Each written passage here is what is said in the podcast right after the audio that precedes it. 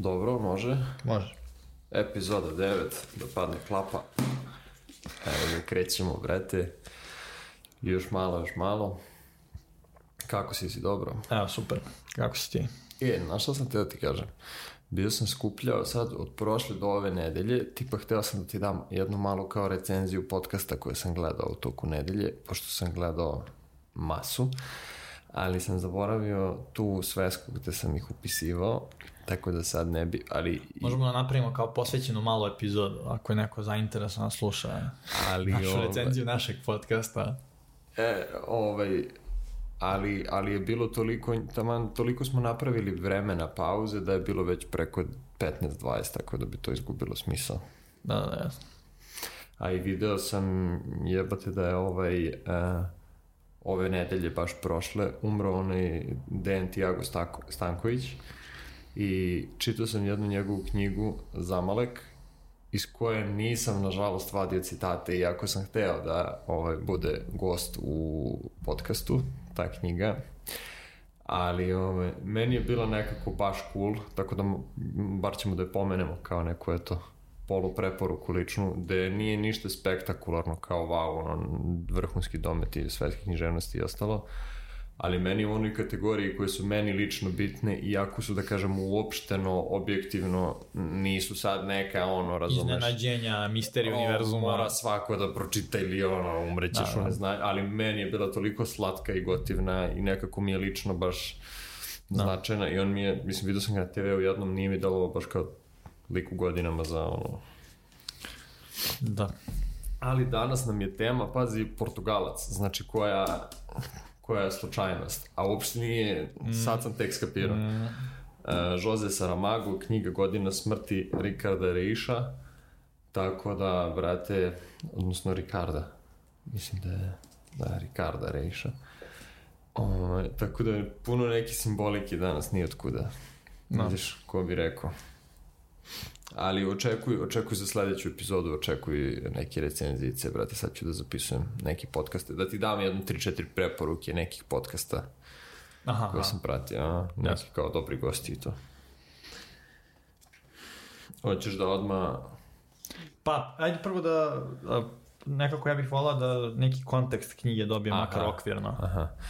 E, meni bila mi je jako čudna, Znači, prvo stil pisanja mi nije baš bio lego, bilo mi onako malo teška i dosadna jer nema neku kao veliku radnju u smislu uh, hollywoodske neke pucačine, razumeš, vrlo onako sporo, vrlo je mellow, on ti je kao neki doktor koji se vraća iz Brazila za Portugal posle jako puno vremena i onda je više taj njegov odnos sa njegovom domovinom koja se umeđu vremenu promenila, ne znam, postoje, Portugalija je malo kao diktatura i to onako teška je malo politička situacija i sve i onda oni u njega malo sumnjaju i cela ta, uh, ceo taj njegov misaoni put kao nekog samca koji se vraća u svoju rodnu zemlju, ali je trenutno, da kažem, nepoželjen, realno. Znaš, i u suštini tu nema za njega više ništa, eto. Uh, A či, či, či, Portugalija kao diktatura, je li to stvarno bio neki istorijski period ili... Pravo da ti kažem, ne znam. A koje su godine u knjizi, otprilike? Kad se odvija sve to? Nije, nije naznačeno. Nije da, da. Da, okej. Okay. Sad ću da Mogu bi da googlam ili da probam da pronađem, ali... Pretpostavimo da su te godine života autora period u kom se odvija? Pa sigurno, zato što ono parobrodi ti fazoni, to ti znači pre 150, 150 godina. 100. Neki 20. vek, recimo. Da, okej. Okay. Ja sam iznenađen ako je Portugal diktatura, ja sam Mada ima neka grupa na internetu Portugal, Portugal is Eastern Europe, gde ono idu na statistike, statistike siromaštva i ono, cijela istočna Evropa crvena, zapadna Evropa plavi, samo da i Portugal crven. O, oni su naši, ja? Da, ima ceo jedan subreddit kao Portugal is Eastern Europe.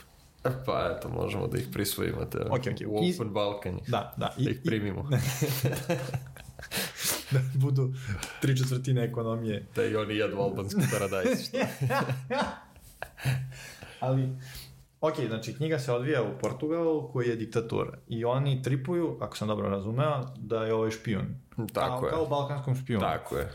Kao komšija. Uh, pa ta državna agencija, da kažemo. Znači, Aha. on već ima nekog komu je namenjen tu da ga prati, zovu ga na razgovor i tako to. Ali nije uopšte krimi priča, nije uopšte u tome poenta. Da, verovatno. Priča je životna, to je samo u kontekstu Kao koji je što ni smešteno. balkanski špion nije krimi priča. Ne, ne, uopšte nije na tu foru. Znači, uopšte, više njegovi neki... To je, mislim, samo napravljeno tako e, da, da bi ti dočarao kako se on osjeća nepoželjno u nečemu što je bilo njegovo. Jasno. Mislim, on je tu rođen i odrastao i sve, i onda je otišao i radio, ne znam, 20-30 godina, koliko već u u Brazilu. Znači, to je više samo da bi ti smestio e, kontekst e, u kom je on mentalnom i, i ovaj, tom nekom emotivnom statusu.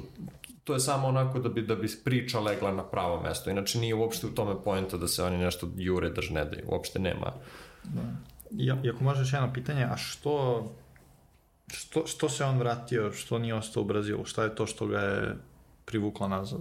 E, nema nekog e, konkretnog razloga. Znači, on je dostigao već neke godine, malo se zasitio, tamo je napustio praksu, pošto je doktor, ordinaciju i ostavio i vratio se, to je to. Nije imao nikakav... A, a tu u Portugalu je uzeo nešto da radi? Ili... Inače, baš jako cool to što je on ovaj, e, kao za to vreme dok je tu, e, r- vodi razgovore i posećuje ga duh jednog pisca koji je umro i taj kao duh bleji tu devet meseci i on je u fazonu ako se rađaš devet meseci, devet meseci i umireš, odnosno mm. kada umreš devet meseci blejiš tako po, po ovaj, zemlji, ideš okolo i onda konačno odeš. Tako da je više taj moment, i meni je to bilo jako cool kao uopšte ideja, šta, mm. kako, šta je njemu palo na pamet. I onda u stvari njih dvojica pričaju o životu. Tu, to je srž knjige, znači ti dijalozi između njih dvojice, jer se on samo je, njemu naravno javlja, jer su oni bili drugari i on njih dvojica bleje. To Jasno. je to. Jasno, jasno. A oni se znaju iz Portugala i od ranije ili... Brate, stvarno ne znam dakle se znaje. Nije, da, da, nije ni bitno. Da, Mislio da. sam kao, to su kao taci iz detinjstva koji se sad sreću, ovaj je umro pre nego što se ovaj vratio. Pa da, da, da, on je umro, znači, kra, kratko pre toga. Aha, Ali okej. nema, nema te backstory kako, kako su se upoznali, šta su radili to, nego samo ti priča saznaš da su njih dvojica ono, bili bliski. Da, to, to je baš zanimljivo. Kada se mm, u, u neku priču pojavi duh koji razgovara s tom i koji ima neku ti ga vidiš i to je na neki način kao neka ilustracija tvog toka misli. Tako je. Da, to je baš, baš super, ja mislim da je to... Ja volim takve stvari, ja volim kada je neka priča realna, gde duh nije sad neka super moć, pa može da topi zgrade i da krade i da spašava, nego je duh samo tu kao ne, neko pojačanje tvojih osjećanja i pojačanje tvojih misalnih tokova. Mi recimo kada čitamo knjige, ja to tako doživljam, mi pričamo s duhovima. Jer često kada uzmemo čitamo knjige, ljudi koji su ih napisali više nisu živi. Ja, ja, tako doživljam čitanje knjiga uopšte. Kada neko dovede e, duha u priču, ja to manje više doživljam kao neki razgovor sa znanjem, sa, sa, sa Mhm. iskustvom. Pa vidi, tu se vidima istorija, ono, kako je on postavio priču, znači, to što koristi ovu kao političku situaciju i koristi ovog sa druge strane, da ti tačno oslika u kom je mentalnom stanju ovaj glavni lik, razumiješ? Jasno, jasno. Znači, baš se vidi, to su, da kažemo, neka ono, književnička sredstva kojima on barata onako vrhunski. Da, da, okej, okej. Mislim da je on dobio i Nobela posle Jose Saramago. Da je on onako baš, Da, okej, okej. da kažemo, faca u književnosti. A knjiga, knjiga, sad ću da vidim, knjiga je napisana, znači, on se rodio 22. Pa, brate, tačno mu je stogodišnjica sad. Vidiš, da smo ga snimili u sledećoj epizodi, on bi tačno upao u 23. i ne bi čoveka jebate, A, ne bi, mu, ne bi ga ispoštovali kako dolikuje. A ovo je napisao 84. okej, okej. 984. Če cepam prvi citat. Može, može. E, mogu da vidim spiskić samo odakle krećemo. Gracias. Kako se kaže na Portugalskom gracias. Valjda gracias. Ne, obrigado. Aha, okej. Je li tako? Nemam pojma. Gracias iz španski, mislim da su ovi obrigado. Obrigado, da. Ja, voleo bi, brate, ako jedan jezik još mogu da naučim, neka bude portugalski, car. Zvuči nekako uh, egzotično i senzualno. Pa ima jedan ceo pola kontinenta priča tim jezikom. Pa, da, jedna zemlja, pola kontinenta. Da. Dobro. A, već sam rekao da nisam specijalista, a vi, Marsenda, koliko sam u stanju da procenim ako bolujete od srca, isto tako bolujete i od sebe same. Prvi put mi to neko kaže. Svi mi patimo od neke bolesti, od jedne suštinske bolesti, da tako kažem, bolesti koja je neodvojiva od onoga što jesmo i koja na izvestan način i čini ono što jesmo. Ukoliko ne bi bilo tačnije reći da je svako od nas svoja vlastita bolest, zbog nje i postižemo tako malo, zbog nje takođe uspevamo da postanemo sve što poželimo. Između te dve stvari nek đavo izabere, kao što se takođe kaže. Ali moja ruka se ne pomera, moja šaka kao da ne postoji. Možda ne možete, možda ne želite, kao što vidite posle ovog razloga nismo daleko odmakli, oprostite mi. Ovde mi je, znači, taj moment da svi patimo od neke bolesti, od jedne suštinske bolesti, koja je neodvojiva od onoga što jesmo. Baš mi je zanimljiv. Mm, Prijemčiv mi je taj ugao gledanja, taj... O, o, osjećam kao da je istinit na neki čudar način. Naravno, ne bi mogao baš da ovaj, da ga po podržim nekim konkretnim, razumeš, argumentom. Ne znam kako bi to rekao, ali na nekom tom nivou osjećam kao da to jeste istina. Sad mogu bi da ga racionalizujem kao ti, ne znam, imaš karakter koji je sklon nekim stvarima, pa će to da proizvede neke, ne, ali mislim da bi to bilo potpuno useravanje u srž ove rečenice koja nekako ne, ne deluje mi da bi trebalo da se racionalizuje na taj način. Prosto stoje takva kakva jeste i nekako ili osjetiš da je istinita, ili ne, ali ja, deluje mi kao da jeste. Ne znam da li imaš neko razmišljenje na ovu temu. Naravno i ta bolest nekako, ja to doživljavam u nekom širem malo smislu, ne bukvalno ono da neko ima jel ti se uopšte dopada, jel ti zanimljiva, jel ti taj ugao gledanja na stvari nekako interesantan. Nekako mi čak vuče na neku kao sudbinu, odnosno e, da imaš nešto što dobiješ samim ono dolaskom na svet u samom startu i da se ti sa jednom tom stvari u stvari boriš ceo život i da te e, jako, da te jedan taj light motiv oblikuje kroz, da ti prolaziš kroz vreme, prolaziš kroz situacije, kroz prostore, ali se zapravo uvek sa istom stvari koju nosiš u sebi, uvek je ista borba. Da. Um, i, I ona te slomi ili te ona podigne. Da. Odnosno, tvoj, tvoj odnos prema tom, da kažemo uslovno rečeno, problemu, kako ti to formiraš, tako će ovaj, ako uspeš da napraviš zdrave neke mm, ovaj, ono, coping mechanisms, kako se to kaže, kao mm, mehanizmi za rešavanje problema. Jasno. Mm. Pa, mi ako gledamo racionalno, mi jesmo samo, makar inicijalno kad se rodimo, nova kombinacija naših gena. Mi ćemo da izgledamo malo slično kao naši roditelji, imaćemo neke stvari koje smo verovatno nasledili od njih. Ti kada gledaš dete koje se rodi, ono čim izađe iz stomaka, ti vidiš da ono može da otvori oči, da može da složi face, u smislu vidiš po izrazu lica da je tužno, vidiš po izrazu lica da je srećno, da se plaši u snu. To su stvari koje dete nasledi. I ovaj,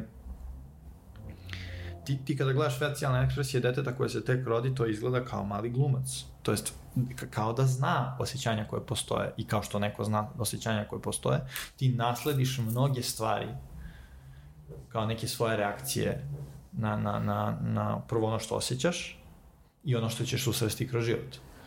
E sad, um, kada kažemo bolest, to, to, kada kažemo bolest, to manje više znači kao ovo nije pravilno, ovo nije, ovo, ovo je nekako, ovo, mm -hmm. ovo je neki ćorsokaku koji je zalutao tok čovečanstva zvani mi.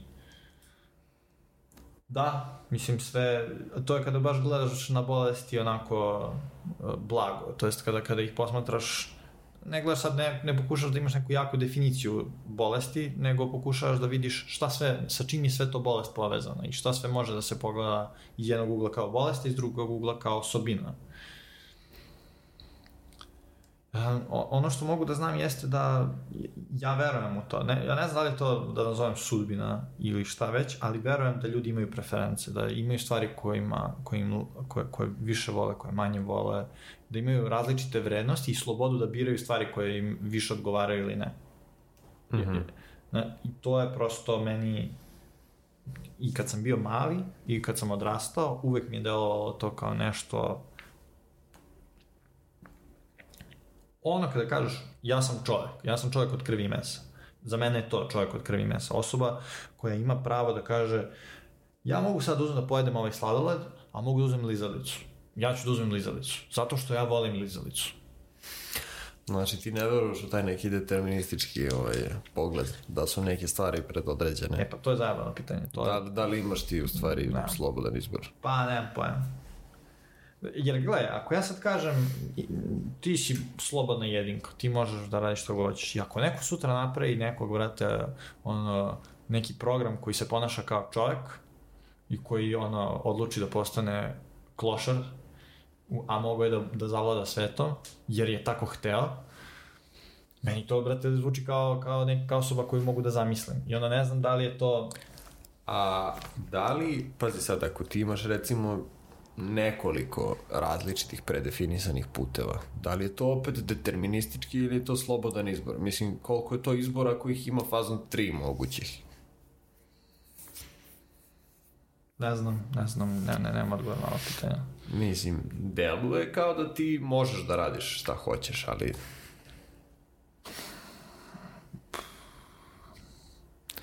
To je ja, sad ja i veram... priča u simulaciji, razumeš? Ne, ne, ne, da li ono simulacija mora da ima taj osjećaj izbora, inače bi pukla. Da. Da ti ne bi provalio da si u simulaciji, moraš da imaš osjećaj. To je ono Matrix, razumeš? Da li, ovaj, da li smo u simulaciji? Ja verujem, ja verujem da ljudi imaju slobodan izbor u, u, i šta smatram pod tim da je jako teško predvideti šta će neko da uradi. Jako je teško videti šta će neko da uradi unapred. Znači, ja ne mogu ni da pretpostavim šta će ti da radiš kroz godinu dana, šta ću ja da radim, šta će neko koga ne poznajem da uradi. Ja prosto, ja ne mogu to za, za da, sebe da procenim. To, to što mi ne možemo nešto da pretpostavimo, ne, ne znači, znači da, da to nije predodređeno. Tako, tako je. Možda smo mi samo jako baš malo ograničeni. Pa mislim, predodređeno, ti zavisi koliko um, precizno želiš da znaš ono što je sigurno predodređeno je da ćemo vjerojatno živeti na ovoj planeti, udisati vazduh i piti vodu. Nećemo krenuti da jedemo govna i da udišemo A jel bi, voleo, jel bi voleo da znaš uh, ono, datum svoje smrti ili nešto tako? Kad bi ono proročica, kad znaš, bi, kad pa da ti neki kaže... program koji je sve lepo izračunao. Pa proročica. Da, da. Može i program, ajde. Ili da datum kad ćeš, ne znam, dobiti decu ili nešto. Ali ajde, nekako uvek su mračnije ove neke teme malo interesantnije. Da li bi voleo da znaš? Pa možda kratkoročno bi volao, ali dugoročno mislim da ne bi volao. Mislim kad bismo posmatrali dugoročno ono šta bi inače, inače ne bih volao da znam ali kratkoročno ono, možda neki momente slabosti bi bio u fazonu ako je klik na internetu da ono gvirnem, verovatno bi gvirno u trenutku slabosti. Pa ne znam, delo je da je život tako, brate, da treba da se živi tako da ne znaš. Da, ja mislim. Mislim, tako se igra ova igrica. Te. Da, Bilo bi baš smart da, ono, to je baš ono, evo ti loše vesti i to ono, od čega i kako i to ono, možda pretpostaviš Baš možda ti izdeprimira to. Pa ne, bilo bi bez veze, jer nekako čemu služi sve ovo pre. Mm, nekako je kao da si cigla, kao da si komad nečega u nekoj većoj... Pa brate, zamisli da si da si gledao neki baš mnogo dobar film i video samo kraj. Mislim, bio bio u fazonu, pa prvo van konteksta je. Ne znaš šta to uopšte znači, znaš. Gledaš ono gospodara prstenova i vidiš samo onu zadnju tuču tebe. Niti znaš ko koga bije, za šta, brate, za čije babe zdravlje, razumeš, i u fazonu si, pa ovo nešto i nema smisla. Pritom nisi imao ceo taj tril, ono, celo to uzbuđenje, da gledaš, da, Da. navijaš, pa hoće, pa neće, pa znaš, ono, to ti je život u stvari ta neka sinusoida sa kojim se ti voziš, a ono, zamislim, neko ti da ono krajnju tačku već u startu i ti si fazonu, šta? Kao, šta sad, šta ima da se, gde se vozim, brate, sve ovo fejka. Slažem se s tim. Ja Mm. mislim da um, ja ne bih voleo da to znam. Lepota je u toj nekoj neizvesnosti. A možda čak i da mi neko prikaže sliku, ja nekako verujem u čoveka i verujem da bi možda čovjek uspeo da izmeni tu svoju sliku. Ne, ne, naravno, postoje granice koliko bi mogao da izmeni. Tako je. Znači, ne bi ja mogao da, ono, odem da živim na suncu jer je previše toplo na suncu ili ne bi mogao da odem da živim u drugoj galaksiji jer nema šta da može me preveze tamo. Ali možda mogu da produžim jedan dan, jedan sekund život. Meni bi uvek proradio onaj srpski moment. Ti ćeš meni da kažeš Tako kad i je. kako ću ja da umrem. Kao ona dvojica, brate. D šta biznis? Samo da prejebem duška. Kako beš ide? Ako je on posadio 6000, ja morao sam. E, tako bi ja. Kad bi mi rekli, ono bi bilo, e, brate, neće. Sad ćeš da vidiš da neće da bude tako. Pa, ne znam kako će, ali tako neće. Ti si mi ga sad pametan. ja mislim da je to, ja mislim da je to deo onoga kako ja doživljavam šta je čovjek. Da, da je to te neke ljudske osobine, ta želja da ne može niko da predvidi za tebi, da donosi za tebe odluke i da ajde to nije toliko bitno koliko je bitno da ti znaš šta je tebi važnije od nečeg drugog i da se toga držiš, to je ono što ljudi smatraju bolest. Kao, vidi njega njemu je bitnije, ne znam, da jede lizalicu nego da šeta uveče i da ide u crkvu. Ili njemu je bitnije da... Znaš, imaju stvari koje ljudi vole. Kako si odabrao te nasmične primjere, tebra, sviđa mi se. Pa da, mislim, ljudi očekuju tebe X, a ti uradiš, ne znam, Da, skapirao sam, skapirao sam, skapirao sam. Ali zanimljivo je, brate, koliko su programi zapravo baš jako moćni. Ne znam da li si gledao ovaj, ovaj AI, brate, šta sve sad radi. Ono što crta sam, piše poruke, što bukvalno Da. možeš da mu napišeš opis kakav hoćeš da ti napiše tekst. Da mu napišeš skrati malo, dodaj više opisa, neka bude... jasno, jasno. Znači, to je malo onako creepy, brate. Jeste, jer onda se postavlja pitanje šta je čovek. Čudno odakle, odakle dolazi taj, ono, sve to. Pa iz ma, mnogo matematike i podataka.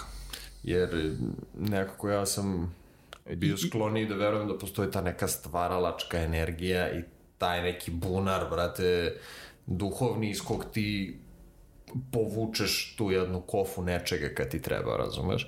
A sad postoji nešto što izgleda kao da ono, može da izbaci u bilo kom trenutku bilo šta i malo si u fazonu, ha, možda taj bunar želja ipak je nije baš, nije baš tako poseban kao što sam mislio. Da, to je dosta malo deluje zastrašujuće u smislu šta je to čovek. Da li ovo što mi smatramo da je unikatno za čoveka zapravo unikatno za čoveka? Jer ako mi napravimo nešto što nije čovek u smislu onoga što smatramo čovekom, a može da uradi ono što mi smatramo da je jedinstveno za njega, Ali, znaš šta mi je interesantno? Da li će, jer, jer i ljudi isto tako rade copy-paste, ali postoji jedna stvar koja se nekako kao da ima dušu, brate, kao da je došla iz drugog nekog mesta i svi je prepoznaju. Da li je to pesma koju svi vole? Da li je to neka slika, brate, ono, pred kojom prosto staneš malo duže? I ako imaš milijardu ono slikara koji svi su probali istu stvar, ali neka ima, brate, neke, nešto je u tim bojama. Ili čak rečenice, znači ljudi svi govore, ali ti kod nekoga prepoznaš kao da ima neku pozadinu iskustvenu, neku poz... kao nešto je proživeo, nešto ima u tom čoveku što dok govori tim rečima daje neku dodatnu boju koju prosto kad bi neko drugi rekao te iste reči samo ne bi bilo. Zanima me da li će AI uspeti da a, veštačka inteligencija, znači zvaćemo je VI, a ne AI, to je ono artificial intelligence, veštačka inteligencija, znači VI, da li će on da uspe da napravi nešto tog tipa da ljudi prepoznaju u njemu taj ono novi, ne, ne, novi nivo. Znaš kako level. možeš da posmatraš istoriju računara? A, prvi računari koje smo imali množili su stvari. I računari su bili brži i bolji u računanju od klinaca. Ono, aritmetika u početku. Onda su kasnije omogućili da rade još nešto računari, da računaju korene, da računaju integrale, da rešavaju netrivialne diferencijalne jednačine. I oni su se samo peli uz neku akademsku lestvicu. Mhm. Uh, us- kao što se poboljšala automatizacija nekih aktivnosti, gde je prva automatizacija bila da se lakše pravi materijal za odeću, pa onda da se samim time automatizuje isklapanje tog materijala u neke komade odrevnih predmeta, tako možeš da posmatraš i u intelektualnom smislu. E, fond znanja i, i nekih pristupa um, odgovaranju na pitanje i rešavanju misterija, što mi zovemo kreativnost, je možda i istom tom procesu automatizacije i možda će sa, sada samo ti kada ga pitaš da ti napiše pesmu na nemačkom, on napravi neki shit. Napravi mm -hmm. nešto što ne bi, što, što verovatno većina klinaca u osnovnim i srednjim školama koji uče nemački ili koji idu u nemačke škole ne mogu da urade bolje od njega. Ali kroz 10 godina, 20 godina mi ne možemo da znamo da li će on nastaviti da, da se usavršava. A da te I ako pita... uspe, ako uspe, mislim ako uspe u smislu da ti ne možeš da prepoznaš. Da, da, da. E, da li čovek može da ostane čovek kroz to, brate, sklapanje sa tehnologijom? Sad trenutno mislim konkretno na Neuralink i tako neke priče. To je ona firma Ilona Maska koji pokušavaju da naprave neki čip ili nešto gde bi se, znači, e, ko- odmah misaonim procesom čovek vezao na računar. To je neka ideja da ti možeš da kroz svoje misli automatski pristupiš pretragama, baze podataka i tako to. Da li da li će da nastane nešto novo, nešto treće i nepredvidivo ili čovek može da ostane čovek kroz taj mrč ili će samo da ga pojede mašina? Mislim da je to trenutno onako pitanje baš ključno i da nismo ni svesni da neko zapravo neko će dati odgovor na to pitanje, a Samo ticat će da se svi nam se nas. dopasti to, Tako je, a ticat će se svih nas. Znaš, zanima me kako ti vidiš taj...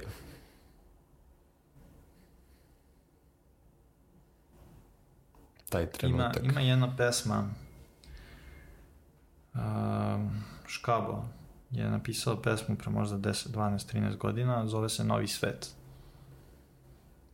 Kako sada stvari stoje, samo pitanje je trena kada smenit ću čoveka, ja računam i čekam. Um, ja ja se bojim ako je tako. Ako, ako mašina samo se usavršava. Recimo, zamisli ovaj naš razgovor. Zamisli da postoji neki program koji može da razume ovaj razgovor i da može da ga shvati kao pretnju i da uzme tebi i meni samo da short circuituje bojlere dok se tuširamo i ti si ćao. Ako tako nešto nastane, ja ne znam kako ti možeš da se boriš protiv toga. Ali nekako zašto polazimo od toga da ćemo se boriti protiv toga? Zato što, e, ajde, ajde posmatraj ovako. Zašto on samo ne bi preuzeo sve dosadne poslove i mi prosto možemo da živimo u nirvani. Da, ali stvar je u tome što to što nastaje je možda samo korak u evoluciji. Kapiraš? Mm -hmm. Mi, mi evolu... samo što sada nastavljaju da evoluiraju naše misli. Gde, I više nisu toliko potrebna tela. I sad, ako uspe Neuralink, ako uspe nešto slično tome, razumeš, ako možeš da uploaduješ mm -hmm. svoj duh, mislim, šta, pretpost... šta predstavlja u stvari kada ti napraviš kao uh, veštačku inteligenciju? To je samo treniranje nekog programa da menja neke svoje parametre na osnovu brda podataka. Mm -hmm. Drugim rečima, mm -hmm. ti uh, da, da, daješ ono što je deo čoveka, to, to je njegova logika plus memorija. Samo to radiš na neki mm -hmm. dosta efikasan način, prirodan način. I o, to, je, to je evolucija. I sad, deo evolucije, korak u evoluciji. Ako mi uspemo da napravimo korak u evoluciji koji je iznad nas, šta se desilo sa stvarima koje su u evoluciji bile u, u ovoj nekoj hijerarhiji ishrane niže od nas? Kokoške, svinje, krave, šta mi koje, biljke, kako, kako one posmatraju nas, kako mi posmatramo njih. Jer pazi, šta ako smo mi samo u odnosu na to biljka? Znaš, mi imamo neka čula, imamo neke sens, ona, o, o, o, stvari koje možemo da vidimo, ali ovo može da vidi mnogo više. Pa, a, ja uopšte ne bih polazio od toga da su biljke tako zaostale. Biljke, ali biljka. Pa možda je biljka povezana sa drugim biljkama.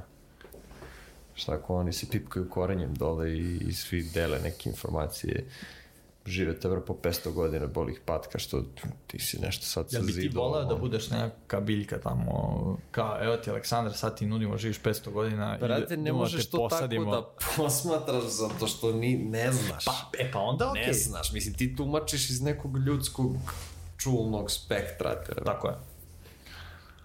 Ta, ja mislim da tako možemo i da posmatramo ovo. Ovo je samo korak u evoluciji koji će da nastane.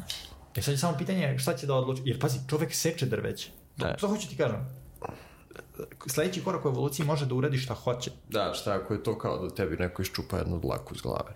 Bukvalno se pa da me Uh, patka. da li mi dođemo i kažemo ja ću sad iz ove biljčice da uzmem jedan list pa ću sledeću. Ne, brate, dođe lik i poseče sve što vidi ono pred sobom i eksploatiše. Neke biljke, neke vrste nestaju.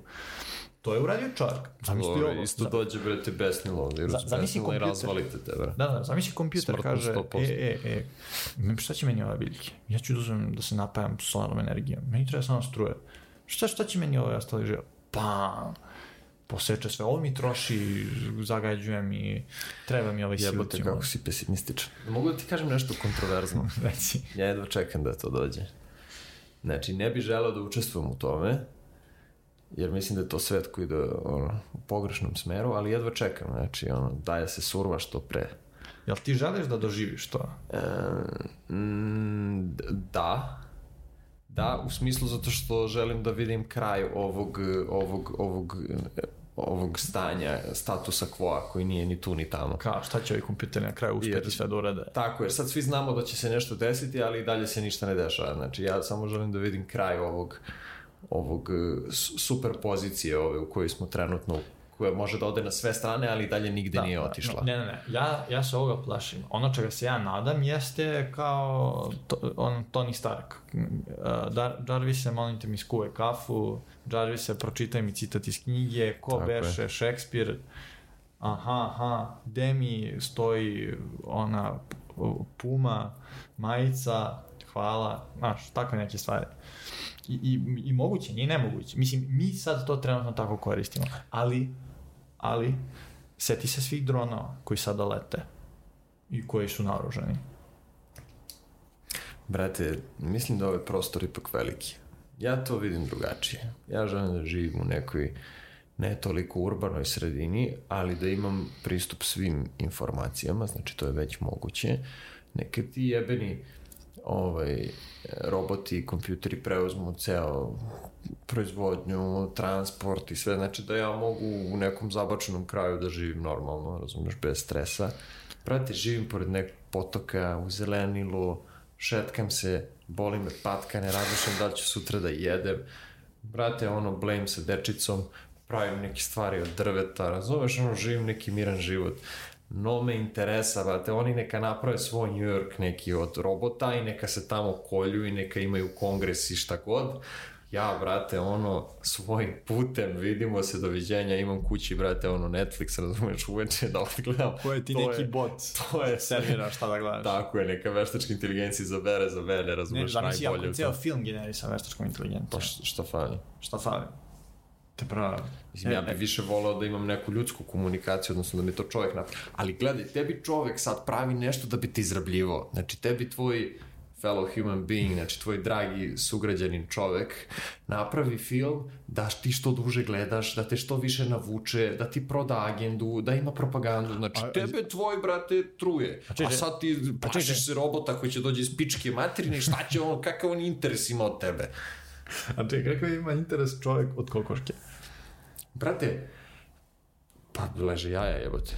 I slatka je. Pa, Pa, eto, može nas tako da drži da ležimo ja i da budemo slatki. pa možda nas već tako neko drži, mislim. Kuku, kuku, kuku. Jel ideš na posao i vraćaš se tebe, šta? Mislim, šta te tu... Pa tebi je život već kurac, šta ima veze. Mislim, šta tebe dotiče? Jer, pazi, nama samo treba naša iluzija da smo najjači. Viš ti koliko smo mi jadni. Znači, naši životi su već đubre. Ali mi se držimo za tu iluziju da smo mi na ovoj planeti ključan faktor i ako se pojavi neko jači, nama će sve da se sorva celo naše, nama samo treba, znači ta ideja naše grandioznosti, Pa ne, nama ne znam uopšte da ne je treba ideja- suštinski kvalitetan život. Ja, ja ne mislim da je to ideja grandioznosti. Ono po čemu se čovjek razlikuje od svih ostalih vrsta, po mom mišljenju, životinja i biljaka, jeste jezik. Ne, ne može mi kaže da je bilo ko drugi u stanju da prenese to znanje u jednoj generaciji koliko je čovjek u stanju. I zato je čovjek uspio da napravi i zgrade i, i, i gradove i tako. Zašto ovim gradovima ne šetaju lavovi, tigrovi i medvedi? Ali ko kaže da je ovo, ovaj grad u kom mi živimo suština života? Ne, ne kažem ja da je suština života. Znači, druge životinje se tebra ne ubijaju, ne ubijaju jedne druge i ostalo, razumeš? Ne, ne, ne kažem ja Niko nije istrebio jedni druge. Mi i ja smo istrebili druge. Ljude ili životinje. I ljude i životinje. Ne. Pa, Brate, delfini isto komuniciraju. Možda su oni srećni te, brate, celo vreme dok žive. Pritom, tri četvrtine planete je pod vodom. Pa, možda je tačno. Možda je podvodni život zapravo suština života na zemlji. Tako je, kako a ti- mi smo, šta ti znaš šta se dešava tamo u Marijanskom rovu? I ko tamo Da, bleje? da, da, Možda da, su oni u fazonu, mi smo najveće face, možemo potopimo ove retarde u svakom trenutku. ok, jasno. Ja sam nekako optimističan da nismo. Ja sam optimističan da ljudi mogu svoje greške da isprave. Ja se nadam da će ti programi koje mi pravimo da nam pomognu u tome da budemo bolji ljudi. Ali da će biti pičva između vremena, bit će iz... Daj da ti pročitam sledeći citat, evo ne. Otišlo je ovo sve u džavu. Ne, ne, ovo je sve povezano s pitanjem da li je čovjek bolest evolucije i da li je čovjek uopšte može kao pojedinac da se posmatra kao neka vrsta male bolesti. Ja uopšte to nisam tako doživeo, ja sam mislio da je to neki onako flavor, da, nek, da je čovjek bolest. Čoveče, šta sam sad doživeo? Usro sam. E, evo, pa, pazi, pazi, sad citat te, bre, sve bolje od bolje. Ako jedan mrtvac toliko brine, onda smrt nije spokoj. Nema spokoja na svetu ni za žive ni za mrtve. U čemu je onda razlika između jednih i drugih? Razlika je samo jedna. Živi čovek još uvek ima vremena da, em, da izgovore reč, da učine gest, ali i to vreme će isteći. Kakav gest? Koju reč? Ne znam. Umire se zato što je nismo izgovorili, umire se zato što ga nismo učinili, od toga se mre, ne od bolesti.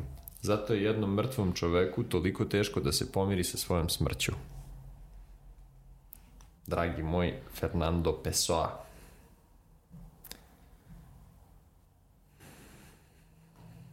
Vi ste pobrljavili od, od čitanja. Dragi moj Ricardo Reiš, ja više uopšte ne čitam. To, to je za naše slušalce. Tako je.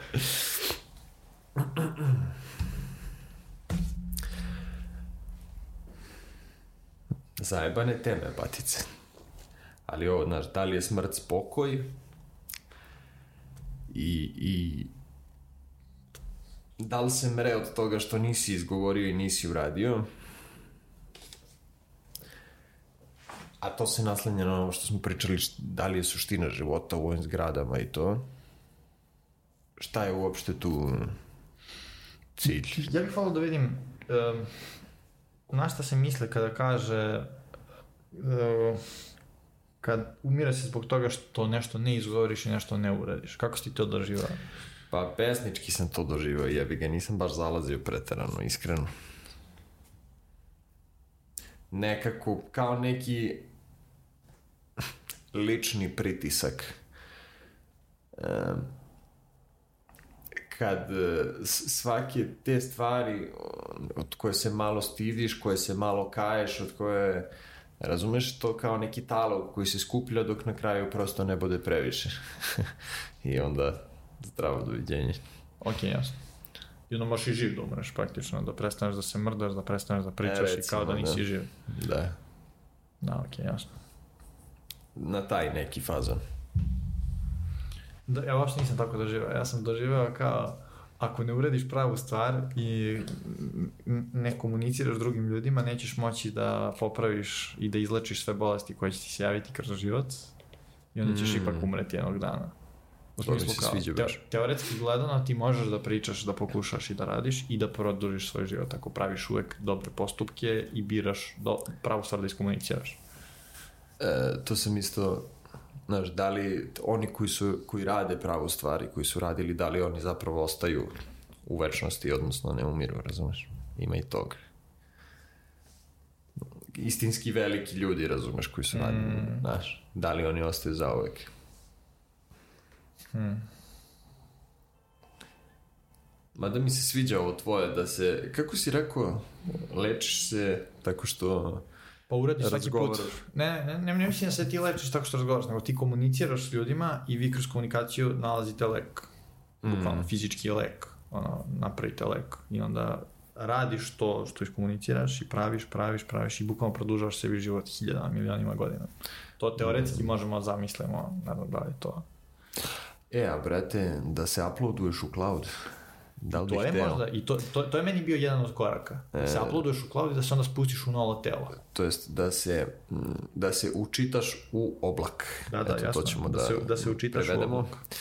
Tako je, a oblak bi bio, znači, ta neka baza podataka koja je na mreži i koju uvijek može da se pristupi.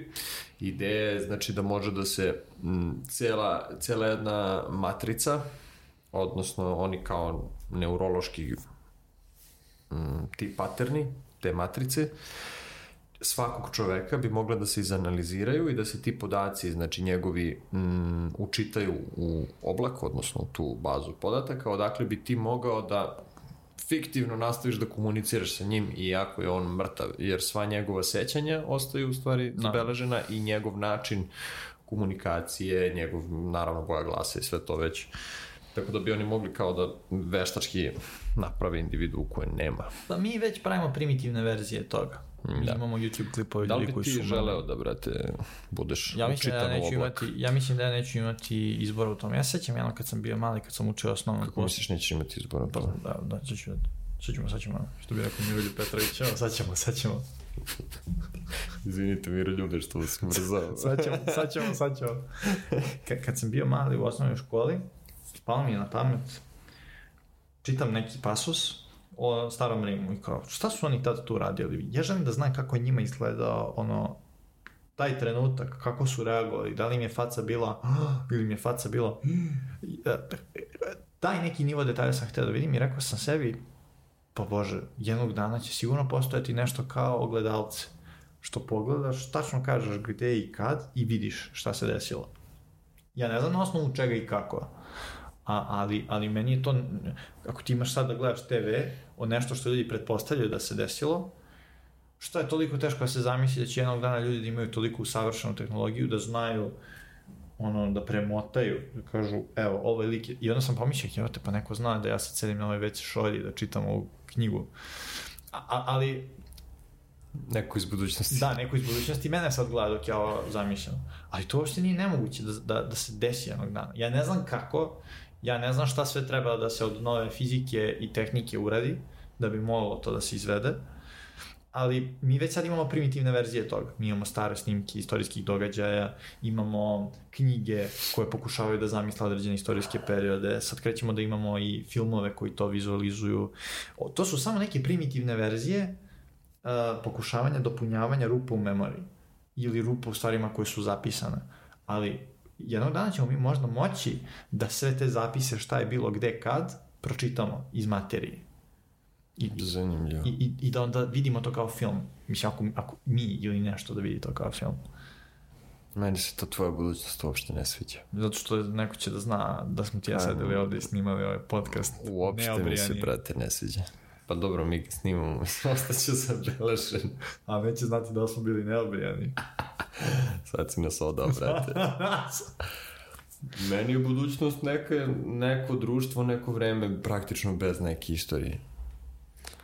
Mislim da će oni toliko biti mirni sa sobom i prema sebi da to više će biti potpuno irelevantno.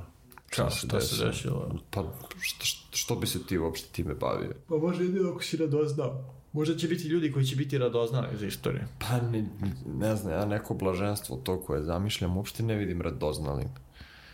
Ne, meni radoznalost uopšte nije neka pozitivna ova osobina, ne znam. Nisam ja toliko baš zaljubljenik u tu radoznalost.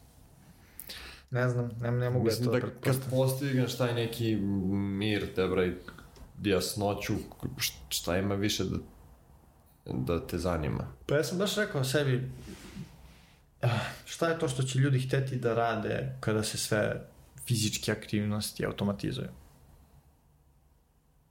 Kada se svi poslovi koje danas posmatramo poslovima automatizuju. Pa doći ćeš do ključnog pitanja. Znači sve ovo, ceo ovaj život je zamlaćivanje. Ti mlatiš praznu slavu. Ostaćeš Zezaš sam sa sobom pred ogledalom i morat ćeš da odgovoriš na neki način. I to je to. Tu si došao Nisam razumio, izvini. Pa sad kao živiš tako što se zaluđuješ tebra. Uvek imaš izbor da kao ideš na posao i vraćaš se, ideš u shopping i drkaš kurac i kao nešto će se desiti. Sutra neće ništa da se desi, sutra bit će isto. Ali u tom trenutku kad se sve automatizuje, tu, tu dolaziš do momenta kad je više tim tvojim Aha. glupim lažima kraj i moraš nešto sebi da kažeš u lice što svakako ovo društvo treba da dočeka u jednom trenutku, a uporno izbegava. I jede govna i smišlja karbon neutral za jebancije i ostalo, ne bili se zamlatilo još malo, još 50 godina, još 100 godina, ajde, nećemo sad o tome otprilike, razumeš? Aha, u suštini, zašto smo... Smišljamo neke fake izgovore, skupljamo plastiku iz okeana, a nismo se pogledali u ogledalo. Ne. Mislim... Ne znam, mislim da razlog zašto se ljudi ovako ponašaju danas je zato što nisu razrešeni svi problemi, a moje mišljenje je da nikad neće biti razrešeni svi problemi. Uvek će postojati, um, kao što ne možeš na svako pitanje da odgovoriš, uvek postoje nova pitanja, tako ne postoji ni rešenje svih problema. Svako rešenje koje napraviš će imati nove neke probleme koji će u nekom dužem vremenskom periodu morati da se razreše. Onda ništa nema pojentu. Mora da To postoji je deo odgovor. prirode, to je deo prirode. Ma, ja, ja, mislim to da to, kaže? ja mislim da je to jednostavno deo prirode. Sa, možda će samo menjati kako će ljudski život da izgleda. A, ali ja ne, ne, ne, mogu da, ne mogu da zamislim to toliko dugačku budućnost. Ali moguće da će izgleda slično ovome što imamo Da sad, li si samo možda čitao Vrli novi svet? nisam. To je ono. Krenuo sam bio ranije, ali nisam ga završio. E, pa taman, pošto ja nisam izvodio citate kad sam čitao, sad kad ti budeš čitao, mislim, to je ono... Hoću, hoću, može, evo, obećam Ne slušalcima. znam kako, to je iznad lektire, mislim, Da, to je da, ono, da, da. potpuno moralo bi, baš, baš, baš, znači, toliko unikatan pogled na, i, na, na ovaj, budućnost, to jest jedna projekcija budućnosti, koja je malo zastrašujuća, ali jako realna. Znači, kad stigneš, ono, pročitaj i izvodi citate do, da nam dođe knjiga u goste, ali je, meni je taj, sad, ko je čito, znaće, taj glavni lik, što je, to mi je negde bliža neka verzija budućnosti te a to je apropo toga što ja tebi stalno pominjem da se zamlaćuju, znači vidit ćeš tamo ko se zamlaćuje i kako i ko se ne zamlaćuje i šta ono, Ok, ok. ali uopšte ceo taj tehnološki napredak ovog trenutka ne vidim kao neki napredak, više vidim kao jedan loop koji će da se ovako završi, kao ono side quest u ovoj našoj e, znaš kad ono igraš igricu imaš glavni zadatak i imaš sporedne zadatke Da, tako je i naš podcast. e, naš ovo podcast je pun malih side questova i Tako pet je. glavnih citata. Znači, ovo je, ovo, ovo cela tehnološka zavrzlama je jedan ceo sporedni zadatak samo za skupljanje ono iskustva, razumeš? Da nakupiš experience da ideš dalje. Moram, moram da pogledam knjigu, moram da, da, da vidim šta, šta rade ti ljudi koji, Ne, ne, koji opušteno. ne maše suštinu. Um, ajde, ćeš dalje. Hoću. Jel čitam i ovaj treći biše što ovde piše Da, da, da, da, da.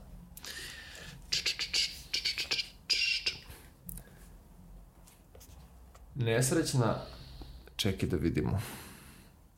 Tada je on privuče sebi, te noći ipak sišla, ali ni jedno ni drugo nisu pominjali razloge tog kratkotrajnog udaljavanja. Jedino je nedostajalo da se ona usudi da kaže bila sam ljubomorna, pa da joj on skrušeno odgovori mala moja šta si to uobrazila, ali nikada oni neće razgovarati na ravnoj nozi, u ostalom zar nije u ovom svetu takvom kakav jeste ravnopravnost stvar koja se najteže stiče. Moje pitanje je li ona veštačka inteligencija? Pa, ne, pa nisu ravnopravni.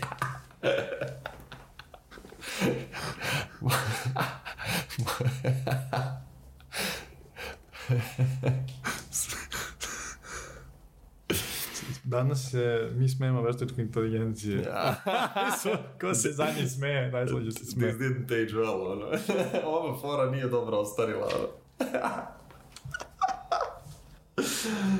Ekstra te, bro. A, šta misliš za ovo?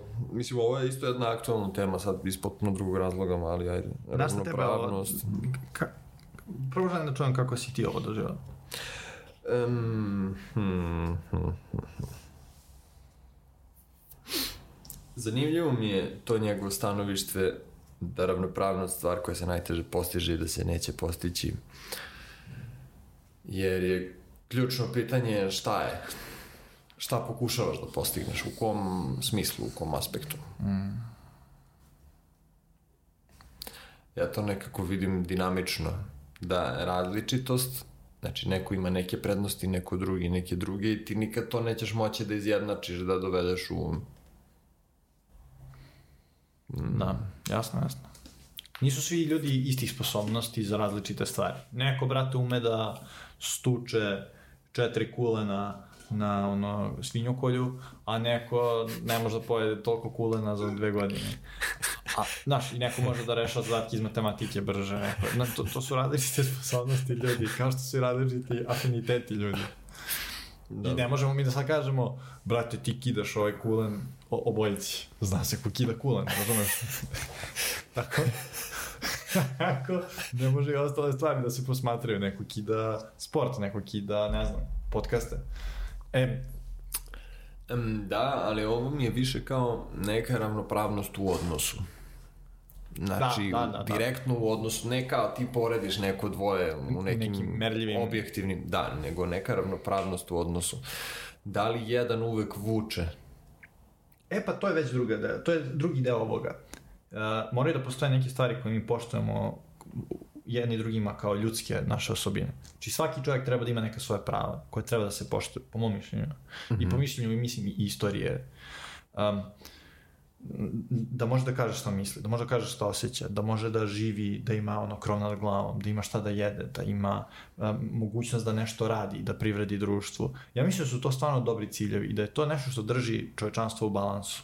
Jer jako je bitno da postoje stvari koje smatramo da su zajednički, temeljni dogovori na koje svako ima pravo i gde društvo treba da cilja da ta prava ustanovi. Mm -hmm. Jer je čovečanstvo temelj. Znači, kao što mi treba da čuvamo naše kokoške i da im damo neke uh, inpute da bi oni mogli da, da, da nam daju jaje i tako dalje, tako mi moramo posmatramo da smo mi, uh, svi naši benefiti su benefiti čovečanstva. Znači, zato što smo mi dali besplatno obrazovanje, neko je izmislio lek, ili je neko izmislio odličan softver, ili nešto što je nama ulepšalo život. Ne, mo- ne moramo da kažemo da je besplatno obrazovanje, ali uh, i obrazovanje koje je neko mogao da isplati za života. Mogućnost. Mogućnost obrazovanja, Da. kako god da je realizovana. Uh -huh. I uh, mislim da je prosto iz tog ugla gledano mi možemo da kažemo treba da post... I, i ti to možeš više da posmatraš kao jednakost mogućnosti, a ne jednakost ishoda. Gde ti kažeš, ok, ovaj čovjek sada, mm -hmm. on ima mogućnost da sa pet godina prođe kroz školu i da puno toga nauči, da ćemo mu besplatno obrazovanje. Ovaj čovjek sa 35 godina nema baš mogućnost da mnogo toga nauči, ali možda može mnogo toga da radi i da uradi. Ajde da mu damo krov nad glavom hranu i ostalo, da on može da realizuje sve stvari koje može da napravi za to života što mu je ostalo. Mm -hmm. I da u suštini postoji neki prirodan set uh, ono, minimuma na koje čovjek mora šta god da uradi da ima oslonac. I tako nešto ne postoji. Posle drugog svjetskog rata je to zapisano kao u deklaraciji uh, ljudskih prava da se ne bi desio drugi svetski rat, ali upravo zbog kršenja tih ljudskih prava može se desiti treći svetski rat. Zato što ljudi koji uh, gaze po drugim ljudima i nekim njihovim osnovnim ljudskim pravima ne kapiraju kako će to dovesti do ono ludila. A je li ima ljudi koji uživaju u tuđoj nesreći? Ima. Ono da su Ima, fundamentalno zli. sigurno. Ima, ali ne, ne, mislim da nisu većina. Ne. Mislim da većina zla nanose ljudi koji uh, se baš potrude da efekte svojih negativnih radnji ne vide. Zato mm -hmm. oni idu na jahte, zato oni idu na, na, na, ono, pučine mora da ih niko ne vidi. A korisni idioti, ja. Ko, ko, oni su korisni idioti Da, zlo. da, da. Da. Pa da. A mislim da nema, mislim da je samo, ne mislim da ima kao neki lik uh, obučen u ono neku kao crvenu majčicu izgleda kao super zloće iz crtaća, nego, nego, nego je više sistema interesa i ljudi koji jednostavno se sk- sklope -hmm. kao princip. Mm -hmm. I, i, i tako rade. I, I to je uvek tako bilo. I jedino što, to šti, što štiti čovečanstvo toga su zakoni ili razmišljanje, učenje, obrazovanje i pravljanje boljih institucija. Veliko pitanje, veliko pitanje šta rešava to, da li je to rešivo. A ja mislim da je rešivo, ja sam optimista po tom pitanju. Ne, ne znam da li je rešivo za mog života. I ja sam vrlo dobro svestan da je svet u kom ti ja živimo po ovim pitanjima ljudskih prava ono, ne zapaljen, nego uzaje neko benzinčugu proso po planeti i bacač plamena. A da li misliš da je davanje trećim nekim licima zapravo da presude ovaj, rešenje? Sad recimo na šta mislim? AI. Da. Imaš, znači, prvi onaj fond investicioni koji vodi veštačka inteligencija, pa imaš one... Ma, to je bulje. Znači, da li I, i, ali nije samo to, evo recimo u Srbiji to ti je neki stav kao daj da Evropa presudi, odnosno razumeš, nećemo ti ja se dogovorimo neka dođe neko treći. Da li je to inače rješenje? Na, nadam se da ne. Da ja, čuješ ja treće mišljenje? Ja, ne, da čuješ treće mišljenje, naravno. Da čuješ, da čuješ u suštini da čuješ glas razuma. Samo ja ne verujem AI-u da će biti glas razuma. Sigurno ne ovom našem, i, jako dugo. Dobro, da njega ostavimo sad po strani. Da. A ovaj, treći ljudi... Da, ako imaju, ako govore nešto što je razumno, naravno. Mislim, ja sam tako kroz život prolazio. Ja im, imam nešto što čime se ne slažem s drugim ljud, čo, drugom osobom, ja tražim savet. Da vidim da, da li ja negde grešim. Prvo ja pokušam da komuniciram s tom osobom. Ako ne mogu, onda tražim savet. Da vidim gde ja grešim, da li ja grešim. No, i ko zna koliko sam puta ja grešio. A na kraju ti donosiš odluku Naravno. ili a da treći donosi odluku, da li bi se... Pa to se dešava, mi živimo u društvima u kojima treći donosi odluku ako se desi dovoljno visok nivo sranja. Ja se pomiriš da. sa tom odlukom. Pa, moraš, šta ćeš? Mislim, ako te strpaju u zatvor, Dobro. šta ćeš da daješ? To se zove, strpali su u zatvor. Ok, nisam to misli, ali dobro. pa ne, mislim, ne, ne znam, da, evo recimo, ja uradim nešto i optuže me za nešto x, Dobro, dobro, to su, to su ekstremni dramatični primjeri, više sam mislio za nešto ovako basic. Kao basic? Da, da, da. Onda da, definitivno. Nemoj da biješ mikrofon. Izvinjam se slušalcima. Biješ i slušalci. Hoćeš sledeći? Može. Pararam, pam, pam, pam, pam. Aha, ovo je nešto. Želim svakom Kaže. slušalcu koji je došao do ovog dela podcasta da kažem svaka ti čast, ti si pravi. Ima još. Postoje okolnosti kad ćutati znači isto što i lagati. Upravo sam čuo jedan morbidan i besmislen poklik, živela smrt, gnušam se. Šta ti misliš o tome? Ajde, Ne. pročiti još jedan, pošto je kratak. Naravno, ovde je punchline ćutati znači isto što i lagati. Postoje okolnosti kada ćutati znači isto što i lagati. Upravo sam čuo jedan morbidan i besmislen poklik, živela smrt, gnušam se. Uh, jeste naravno između, izvađeno iz konteksta, ali meni baš to i daje težinu. Da li ćutati znači isto što i lagati kada neke stvari znaš ili ja mislim da ne. Da, ako ćutanje ima svrhu da nakon toga uradiš nešto po tom pitanju, na pravu stranu, znači mislim da ne treba uvek da skačeš, da ispravljaš nepravdu, da objašnjavaš drugim ljudima to sad ti treba ovo, ti treba ono, ti znaš, ti ne znaš i ostalo, nego mislim da treba ćutati i onda uraditi pravu stvar. Pa, koliko god malo ti pomerio taj tas, 0,001%, mislim da si uradio bolje nego da ulaziš u konfrontacije stalno i ok, ako ti neko pita da, ali razumeš ako je zapaljena atmosfera i to nema potrebe da ti dolivaš u, tu, u, u to sagorevanje energije, da ti dolivaš svoje ovaj, da saučestvuješ u tome.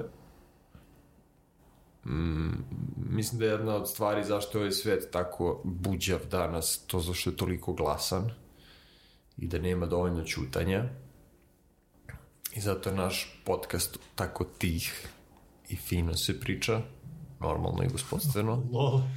Jer se tako radi prava stvar. A ne tako što ćeš da drviš kurac, tera više mi muka od svake reklame.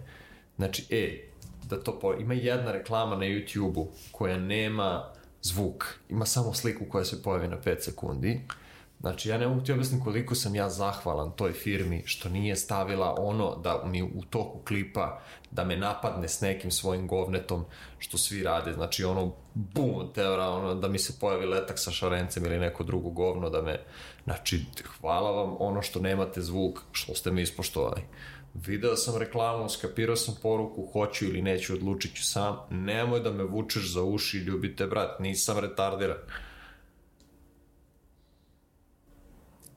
Znači, nema tog civilizacijskog momenta, te da ispoštuješ drugog čoveka, nego ga posmatraš kao stoku, jebote. Kao da oni mene moraju, ono, ajde, ajde, šargarepica, ma puši ga te, bre. Otkinuću ti štapi šargarepu i obe ruke. Makni se od mene, jebote, nemoj to da mi radiš, brate, degradiraš me kao, kao biće ljudsko, brate, to je stvarno vređanje inteligencije. A vidim da ljudi su fazonu, boli ne, baš patka. Ja ću samo kažem, Google da ga duva, to da se mi razumemo. Google, čim nađemo bolju platformu za podcast, da ga duvaš. Tako ali je. trenutno nema bolja od YouTube-a, po mom mišljenju, imaju super sajtovi, ali po mom mišljenju dalje YouTube najbolji, ali jednog dana duvaćeš ga Google. Ostavit ćemo te u suzama. Ovo, ovo je jedna pretnja za tebe Google, duvaćeš ga. A, ali, evo, sad sam ja jednom zlu se obratio. A, a, a, ali se slažem s tim, da ne, da s tim, s tim što si ti rekao, ne sa onim što piše u knjizi, da je čutanje zlo. Um, Nije, isto što i laganje. Da, izvijem, da je čutanje laganje. Uh, ne mislim tako. Mislim, ima mnogo situacija baš u tome, kad je usijena situacija, kada to što ćeš ti da kažeš ne, neće ništa promeniti ili neće ništa pomoći jer nije u, uzrok je davno se desio i tako dalje. Najbitnija stvar je i najvrednija stvar je da čovek u svojoj glavi zna šta je ispravno. To je po mom mišljenju najbitnije. Da je, da, i, i, to je ono i što je i Beogradski sindikat ponavljao, kao misli svojom glavom i što bilo koja mudra baba isto misli, da je najvažnije misliti svojom glavom. Jer ti kad bi imao društvo, i to piše u Platonovoj republici, kad bi ti imao društvo ispravnih ljudi, kao državu ispravnih mm -hmm. ljudi, takva država bi bila najuspešnija. Jer oni u svojoj glavi imaju principe koji su mm -hmm. jači od bilo kog zakona koji se napiše. I onda, mislim da je to najvažnije. Najvažnije je ne šta kažeš, nego šta misliš. Mm -hmm. I kakve odluke donosiš u budućnosti. Ako neko pravi nepravdu i seje nepravdu, zašto ti moraš da je ponoviš? ja mislim mnogo bolje da ti naučiš iz toga i da kažeš ja neću ovako da postupam, nego da dođeš i da kažeš ej to nije okej okay. i onda da sutradan ti uradiš istu stvar. Mm -hmm. Mm -hmm. To je meni gore nego laganje. To je na neki način laganje, samo laganje sebe. Tako je. Tako da eto, mislim, to su neki primjeri u kojima ja mislim da ima smisla čutati. I ne da ima smisla, mislim da sve kada, i, recimo ima neke situacije gde je nešto što ti ne odgovara. Najlakše je pričati najlakše je nešto reći. Najteže je nešto uraditi. Tako je. I, i, i, a još je teže uraditi nešto dobro, jer da bi uradio nešto dobro moraš da razmisliš. A, a to redko ko radi. A... Lako je da ti kažeš, e, ti si retard, što si to uradio. Znaš, mm -hmm. ti, -hmm. ti si debil, tebe treba sad, ono, ne znam, ja, ali ovaj, odćuti, napiši knjigu. Napiši ba moj knjigu gde ti, šta je tu ti istina. Kažeš šta je rešenje, šta Tako je problem. Je. Koliko ljudi ima da kaže, e, sistem obrazovanja je u X, u X segmentu loš, ali koliko ljudi je zapravo selo i napisalo nešto ma, na dve strane napisao šta misli da je problem, šta misli da je rešenje, mm. a ne na 200 strana. Mm. Malo je takvi koji to urade. Tako je. Zato što je to teško, zato što to zahteva odricanje, zato što to zahteva vreme koje ćeš ti da odvojiš, da vidiš št, gde je nelogičnost, gde u realnosti vidiš da valja. Po mom mišljenju je to Brojke, ispravno. bato. Kad se situacija stavi na papir, potpuno se drugačije vidi. Tako je.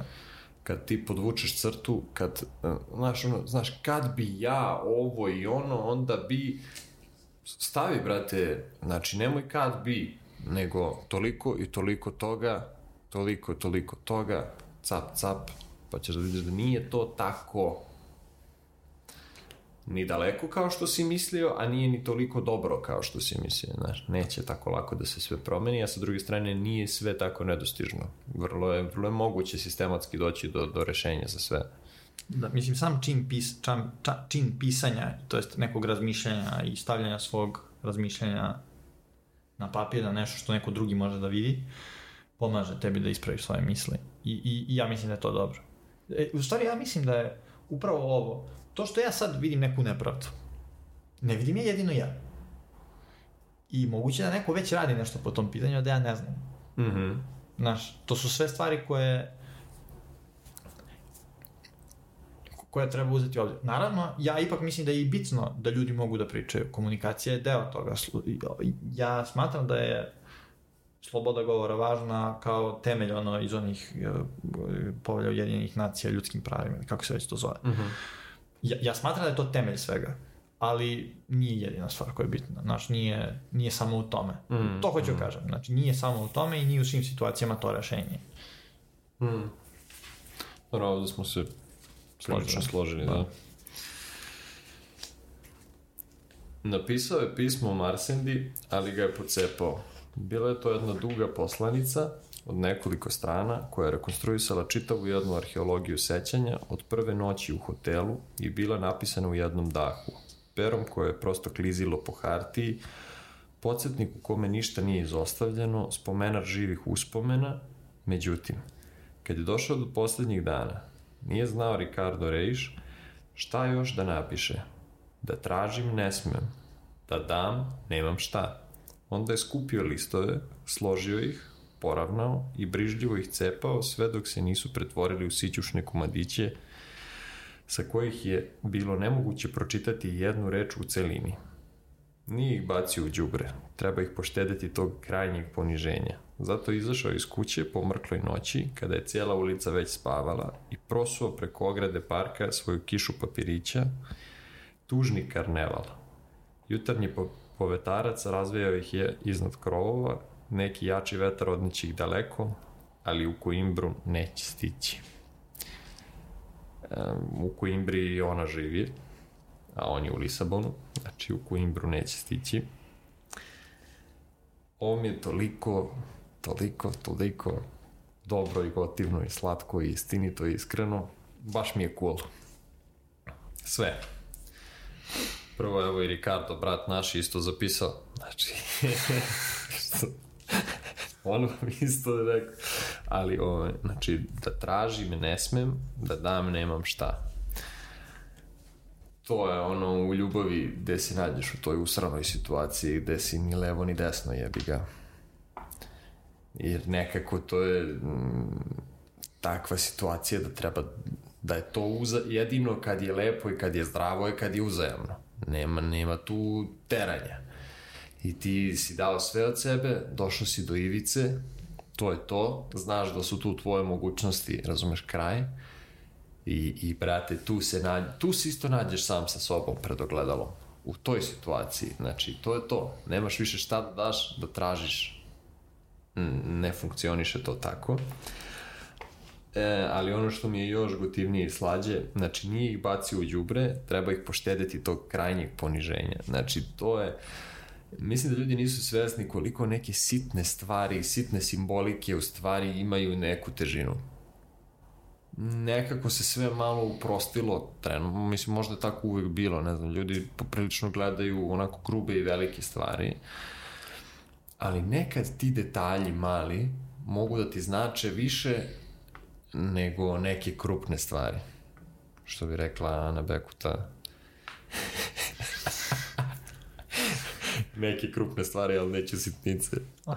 Opraštam ti. E, Znači, tu je, tu je neki moment gde je on ispoštovao sebe. Ja to bar tako vidim. Znači, nije to...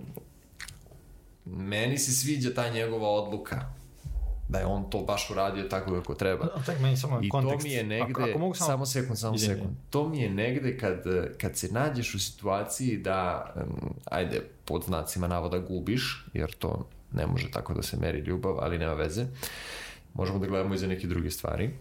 Znači, kad si u situaciji negde da moraš da prihvatiš svoju neku slabost, svoje možda razočaranje, poniženje, neku sramo, nešto što ti doživljavaš kao neku negativnu.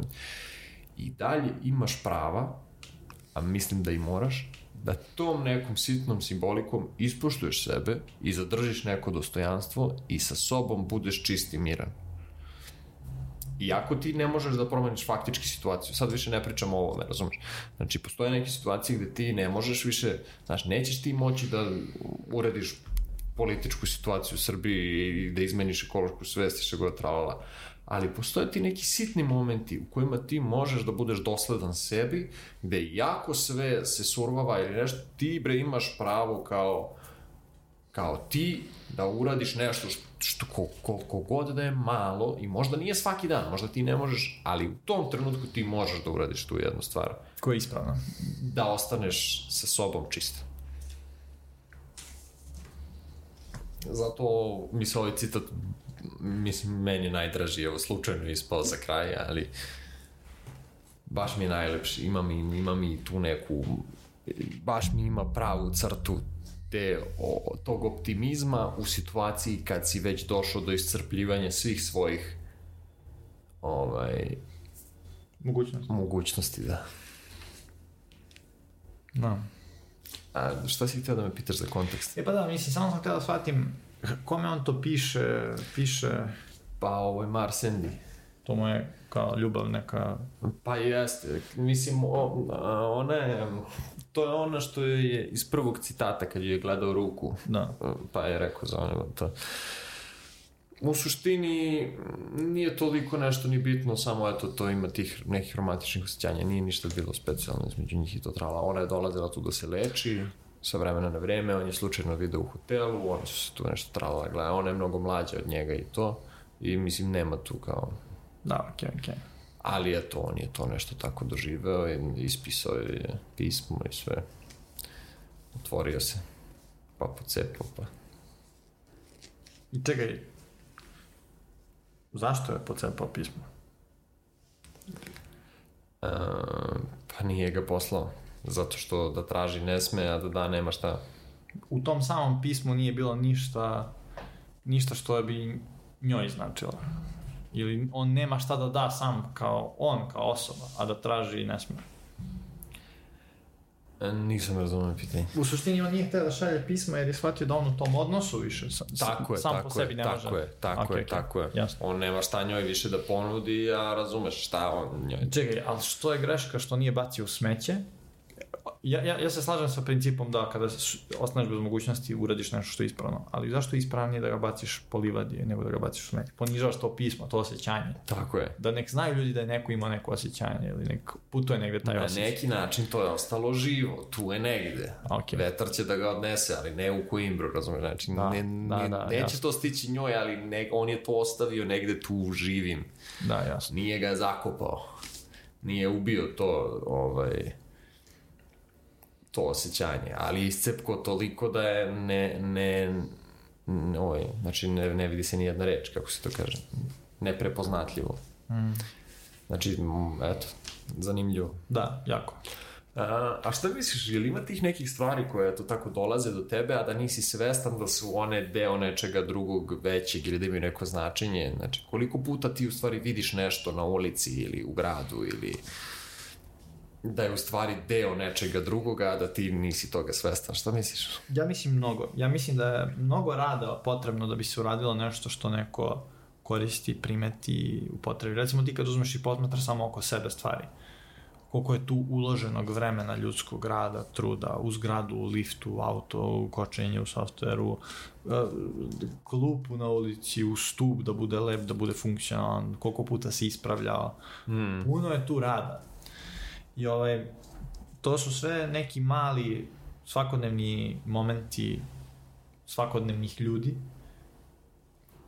koji dolaze do tvog života. I mnogi ljudi rade neke stvari koje rade iz nekih ličnih uverenja u to da time čine svet ili to nešto svoje do čega im je stalo boljim. Mm -hmm. I e, ja verujem u to. Mislim, ja ne kažem da sve što ljudi rade tako, ali mislim da dobar rad je trajan rad. Znači, Andrićeve knjige traju jer su dobar rad, do, mm. do dobro urađeno nešto. A on te knjige nije pisao iz bilo kog drugog razloga osim da podeli neku istinu koju vidi Mm. i da, da, da, da ona potraje. Da, da neko još to vidi, da neko još... Kapiraš, neko je nje, Mhm, mhm. neko, on je od nekoga dobio neku, ne, ne, neko, neko znanje ili neki poklon kroz te knjige koje je on čitao i on je dao jedan svoj poklon nekome drugom. Ja verujem u to kao princip da ako tebi neko pomogne, da ti pomogneš nekome drugom. I da to je prosto taj jedan poklon koji inicira tebe da pokloneš nekome drugom može da da mnogo poklona, jer taj lanac dugo traje. Ja bih volao da ovaj podcast bude jedan takav lanac. Tako da mi sledeći poklon dajemo u sledećoj epizodi. Da.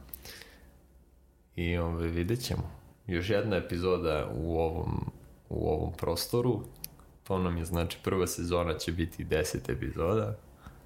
Realno, posle toga vidjet ćemo gde će naš lanac da se nastavi, Da. da se štrike, da... Ali bit će još podcast, tek smo počeli. Vidimo se.